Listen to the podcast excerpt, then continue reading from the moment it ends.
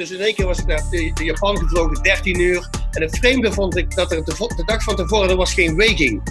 En ik vond het vreemd, maar ik dacht, ja, weet je, Japanners die zijn eh, heel eerlijk, dus hij zal wel op, op, goed gewicht zijn. En de volgende dag kwam ik aan op de sport, op die hal. En er is een grote gozer, komt dus, weet je, 1,92 of 93. En ik ben 1,80 meter of 82.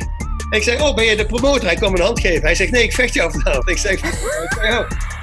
Hij zegt, eh, 235 pond. Hij zegt, hoeveel denk jij? Ik zeg, 195.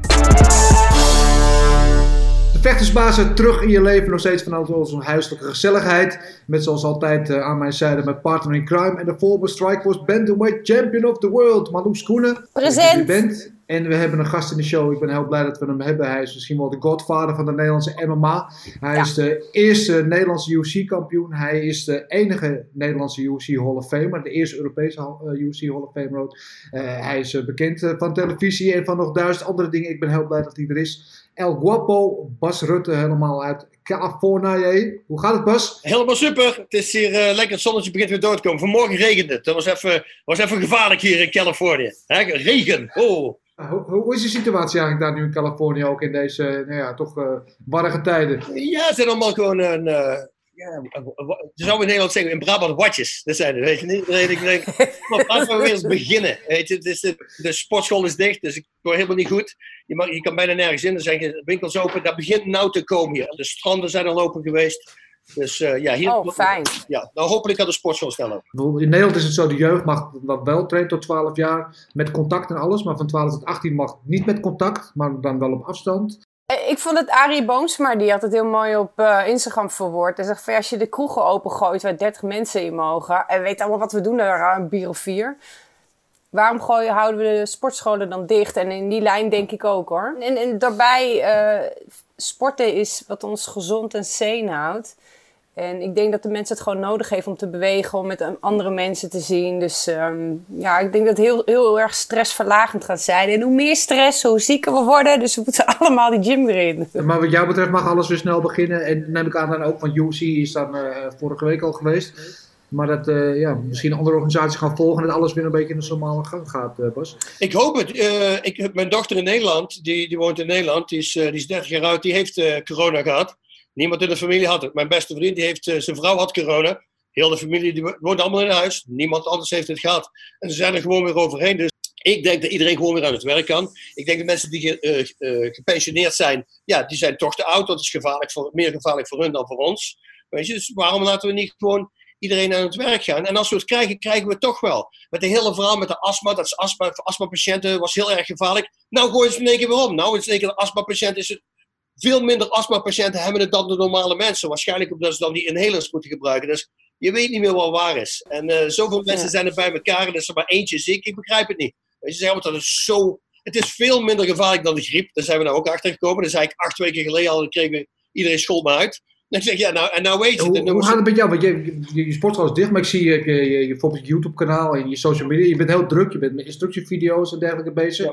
Ik heb niet het idee dat je verveelt aan die kant. Ja, ik ben, elke dag heb ik het nou. Deze week ga ik eh, ging naar twee keer per les. Eh, wel drie keer in totaal in de sportschool. En de vierde keer is een, eh, een, eh, een stretch day, zeg maar, op zondag. Maar dit is een leerling van mij. Maandag tot vrijdag was, eh, voor de laatste acht weken heb ik maandag tot vrijdag workouts gedaan. Op zaterdag QA. Allemaal om tien uur s morgens, dat is zeven uur s'avonds bij jullie. En, eh, en nou, deze week heb ik gezegd, oké, dan ga ik een beetje wat meer aan de gang ook thuis hier. Voor mijn eigen dingen wat ik heb, weet je niet. Ik ben nog steeds dingen aan het verkopen online. Eh, dus nou doe ik maandag, woensdags, dat zijn trainingen. Donderdag of zaterdag heb ik een Q&A. En dan zondag mijn leerling geeft stretching, rolling, een recovery day, zeg maar. Ja. Ja, over, over eh, producten die je hebt. Je hebt ook een, oh, ik heb hem namelijk nog in de gym liggen, een O2-trainer, hè? Ja. En ik heb dat ding zelf eens geprobeerd. Ik dacht dat ik dood ging, maar ik snap wel waar die ervoor werkt. Kun je daar iets over vertellen en hoe dat nu met corona gelinkt is? Ja, nou begint, het is eigenlijk gaat heel erg goed voor ons. Want iedereen weet dat eh, eh, om je, je inhalingsspieren eh, sterker te maken is een heel erg slim ding om te doen op dit moment. Want mensen worden geëffect die astma hebben, maar schijnbaar gaan ze er niet van dood, maar die hebben er meer last van. Dus mensen willen nou zich sterker maken met het ademen. En wat jij in de tijd dat jij het had, ehm, Was je geupgrade? Nee, toen tra nou trainden we ermee. Maar nou, nou doen we het anders. Nou, heb ik, nou ben ik met uh, Usain Bolt en drie andere gold medalists. Die doen het allemaal in de ochtend. En voor jou, jij traint er altijd bij. Je hoeft, hoeft je helemaal niet te doen. Je hoeft maar 30 herhalingen per dag te doen. Ja, kun je even uitleggen wat het precies is? Want er zijn ook nog mensen die oh, ja, dat geloven of niet, die niet weten wat het is. Het is een heel simpel idee eigenlijk. Ik kwam erachter toen ik, uh, toen ik een, um, een... Ik ben heel erg uh, een zware astma-patiënt geweest. Uh, elke zes weken, week in bed, niet kunnen eten, niks. Wat helemaal in bed liggen voor acht dagen. Maar ik deed ook atletiek. En als ik na die uh, aanval van acht dagen, als ik weer atletiek ging doen, dan brak ik altijd mijn, mijn uh, running times. Ik vond het zo vreemd, ik kon niet begrijpen hoe dat kon. toen ging ik, op een gegeven ik was elke week bij de dokter, of elke twee weken voor ademhalingsklassen. En toen zag ik een poster van een, een, een, een pair of lungs zag ik op, de, op de muur. En toen dacht ik van, oh, wij denken, iedereen denkt dat die infectie in de longen is, maar dat is helemaal niet. Het is in de longpijpen die naar de longen toe gaan. En stond een geïnfecteerde en er was een open. En toen zei ik, oh, wait a minute. Ik heb acht dagen lang heb ik proberen in te halen door een infected area met resistance, weet je niet. Dus na acht dagen ben, nou ik veel sterker en nou was maar weg. Ja, dan kan ik beter redden. Dus waarom kom ik niet meer iets op dat het uh, de, de resistance wint? So, en, daar begon ik mee te doen. Dus toen begin ik ermee te of toen veel jaren later. Silva, die was les uitgeven bij de Ultimate Fighter. En die was iedereen aan het trainen met een snorkel device. En op een gegeven moment mijn telefoon begon te ringen en iedereen zegt: Hey Bas, dat ding waar jij wil maken, de routinizer, dat was de originele naam. Originele naam. En toen zei ze: Die moet je gaan maken, de routinizer, want iemand gaat ermee opkomen. Nou, hij is aan toe met die snorkel devices. Dus toen begon ik er achteraan te gaan, kreeg een prototype, begon er zelf mee te trainen. Drie weken later mijn astma weg. En ik heb mijn hele leven astma gehad. Ik heb elk gevecht heb ik een inhaler moeten gebruiken, altijd. En dan was het denk ik compleet weg. Dus bracht naar een vriend van mij in Nederland. Zend ik meteen naar hem toe. Ik zeg, hey, begin hiermee te trainen, want je hebt, toch, je hebt toch ook astma? Hij zegt, ja, nou, probeer ermee te trainen. Acht dagen later, hij verkoopt ze nou in Europa. Want na acht dagen was hij zijn astma kwijt. En toen begon het langzaam in één keer vuur te pakken, om zo maar te zeggen. Toen begonnen de mensen achter te komen. Maar in het begin, het is nog steeds een van die dingen, als je het ziet, dan denk je, ja, wat is het? Maar als je het gebruikt, dan weet je meteen wat het doet voor je. Je bent hier heel gegrepen door de hele ontwikkeling van die O2. Uh, eh, omdat je zelf altijd astma-patiënt bent geweest. En ademhaling dus altijd een heel belangrijk onderdeel geweest is in jouw leven. Ik heb zelfs gehoord ook dat je ik, ik in je pancreas-tijd, een levenstoot, dus de, de, de koning van de levenstoot en de levenstrap, een levensstoot timen met de ademhaling van je tegenstander. Is het zo? Ja, dat was mijn tweede partij. Dat was noodzakelijk, want ik was helemaal kapot. Ik was, ik, was heel erg ziek.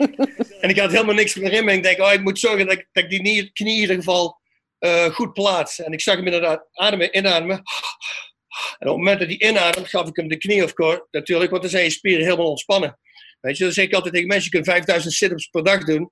Maar als je inhaalt en iemand slaat je daar, ga je neer. En ja. Uh, ja, dus daar heb ik toen tegen hem gebruikt. Ik gebruik het ook in het grondvechten. Daar heb ik hele leuke trucjes voor om het, uh, om het te doen. Ik wil even duizend dingen. Ik wil eerst even die inhaler nog even zien, oh. dat, dat, iedereen het weet. Ja, dat is heel simpel. Kijk, hier zit een flap aan. Als ik blaas, zie je die flap omhoog gaan. Maar dat betekent dat als ik blaas, kan er gewoon alles uit.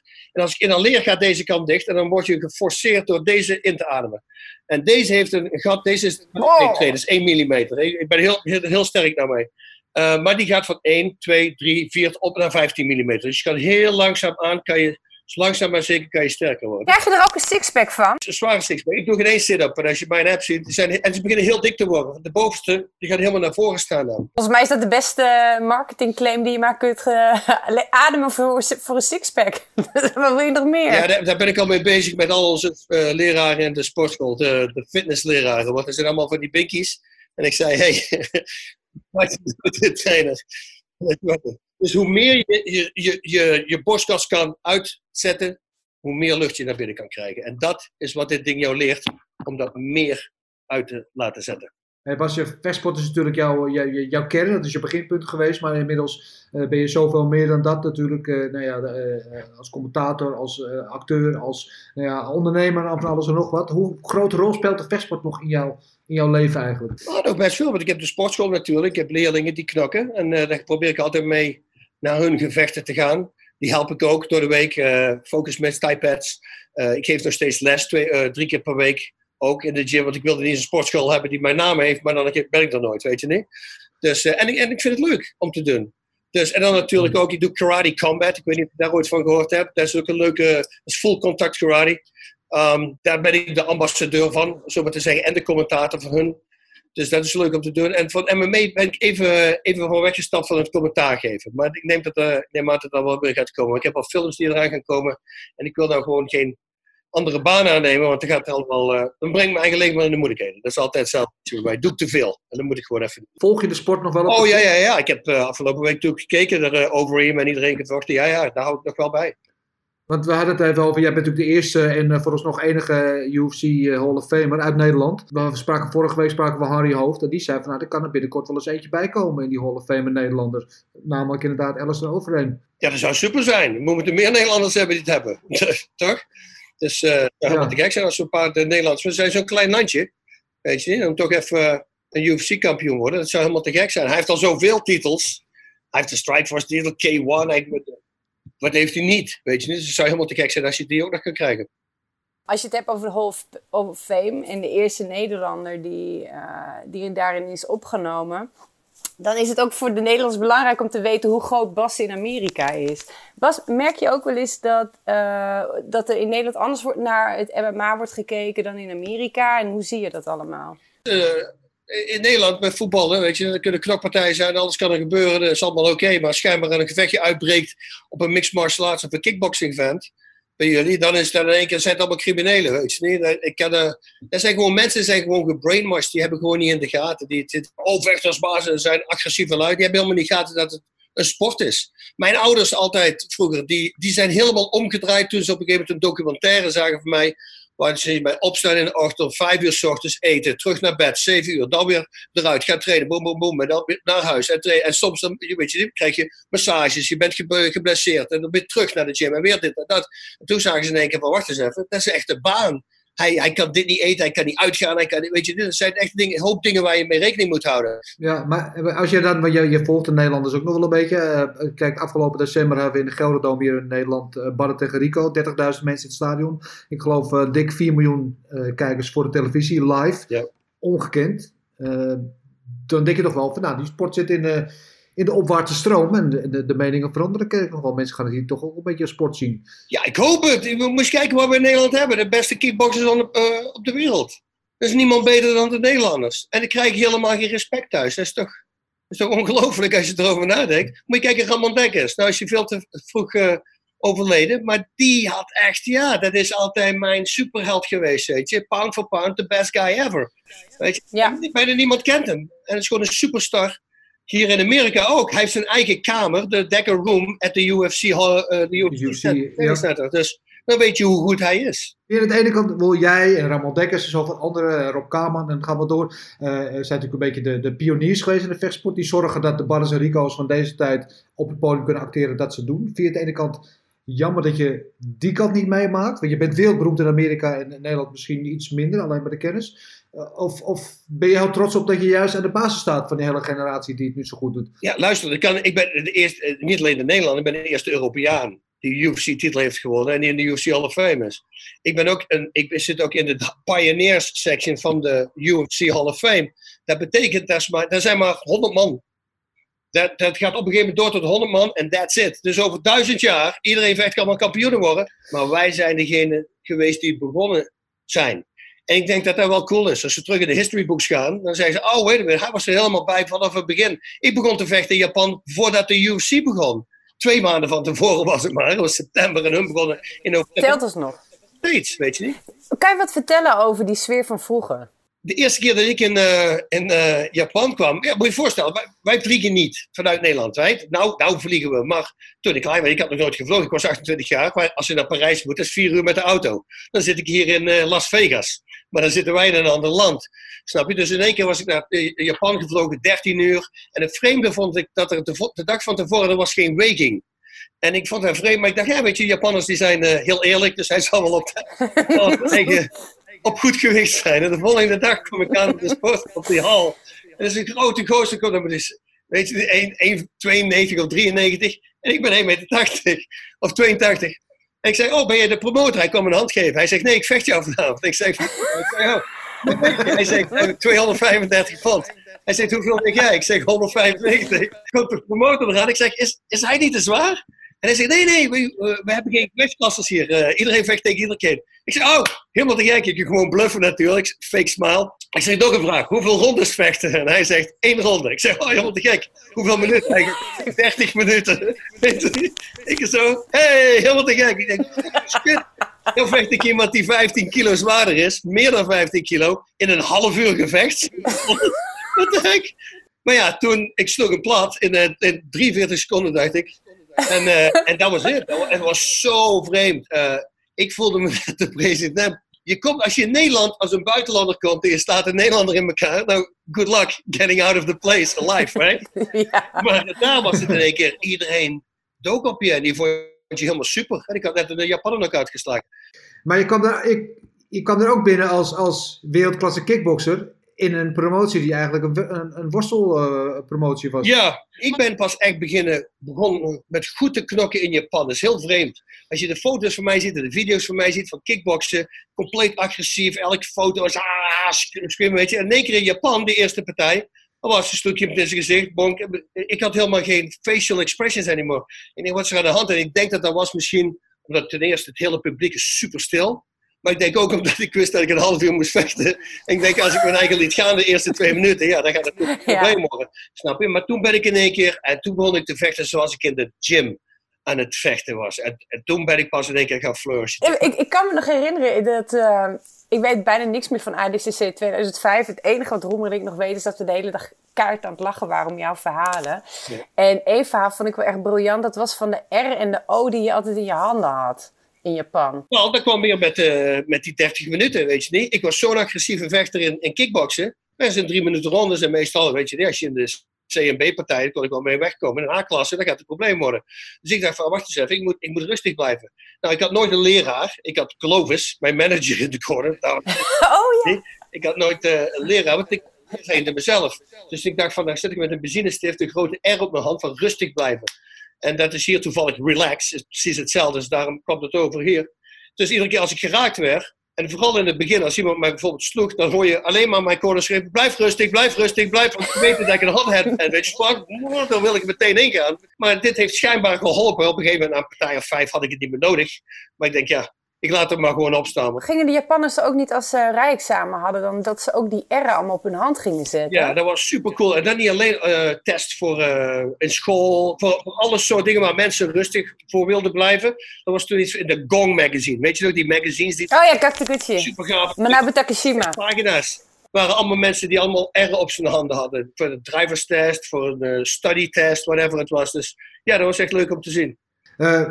Ja, iets wat ik van jullie allebei wil horen. Uh, afgelopen week dook opeens de trainingsfilm, of afgelopen week een van Mike Tyson. Deze met die teksten bij I'm back. Uh, even later kwam een trainingsfilmpje van Evander Holyfield, die ook een trainer is. Nou blijkt dat ze 11 juli tegen elkaar gaan vechten. Ik geloof in Saudi-Arabië, als het goed is. Nou is Tyson voor mij echt een van mijn absolute jeugdidolen. Uh, mijn vader haalde mij vroeger s'nachts uit bed om zijn wedstrijd te kijken als hij in wat weken stond te knokken. En ik vraag me aan jullie, is het een goede zaak dat zij weer de ring ingaan? De, de, reden waarvoor hij het doet is voor charity, weet je niet? Dus niet voor hemzelf. Dus hij, uh, hij, het is om andere mensen te helpen. En, uh, en ik wist dit al een paar maanden geleden, want ik, ik, ik ga er waarschijnlijk zijn bij het gevecht. Ze hebben, ik, ik word uitgenodigd door een vriend van mij die vertelde dat ze maar een heel kleine hal hebben ze schijnbaar, maar een paar duizend mannen. Ik weet niet waarom ze dat doen, want dan kunnen ze veel meer geld mee verdienen. Maar ja, op wie zet je je geld? Dat zoeken we voor Tyson nog altijd. Weet je, ja. gewoon, als je ziet hoe hij er nou al uitziet. En hij heeft nog een paar maanden te gaan. Dus. Zou je het wel doen eigenlijk met iemand, uh, iemand niet met Tyson, maar met iemand anders als iemand jou uh, voor charity of voor de nee, nee, niet meer. Ik, weet niet of ik dat kan zien. Ik, mijn, ik heb vier nek nekoperaties gehad. Kijk, dit is mijn arm nou. Zie je, is helemaal weg hier. Zo. Ja, dus het is uh, heel is geatrophied. Al die massa, die spieren zijn helemaal weg. ik heb mijn hand gelukkig teruggekregen. Ik kon, uh, ik kon negen arm, one-arm pull-ups doen. En toen die nek kwam, kon ik, uh, ik, kon ik dit niet meer oppakken. Maar nu heb ik mijn hand gelukkig terug. Dus nu ben ik gestopt met klagen. Bas, ik wil nog heel lang, heel graag met jou doorpraten, maar we zitten al aan het einde. Dat moeten we nog een keer doen. Tijd. Dan moeten we het gewoon nog een keer doen. als enige Nederlandse UFC Hall of Famer. Vanaf vandaag, uh, wat mij betreft, ook uh, vechtersbazen Hall of Famer. Dat is uh, meer. Dus dat uh, schept een verplichting om nog een keer terug te komen. Dankjewel voor je tijd. Geen dank. Leuk om jullie even te zien. Leuk. Marloesje ziet er ook precies hetzelfde uit. nee, dat is, dat is ook de belichting, hè? Dat ik, ja, ik, en heel veel make-up. In ieder geval, Bas, dankjewel. Ik uh, wens je het allerbeste en uh, tot gauw, Marloes. Uh, jij Ja. sowieso tot Dank gauw. dat je er was. Dit, uh, dit was uh, voor dit moment de, de laatste vechtspaas in deze omstandigheden. Ik weet niet of we de volgende keer weer in de studio zitten en wanneer die precies zal zijn. Maar we zijn er in ieder geval binnenkort weer. Dus uh, houd die gedachten vast en vergeet niet te delen, te liken en te abonneren op onze YouTube en Instagram pagina's. En dan zien we je bij de volgende vechtspazen. Oeh. Oes. Oes! Groetjes. Doei.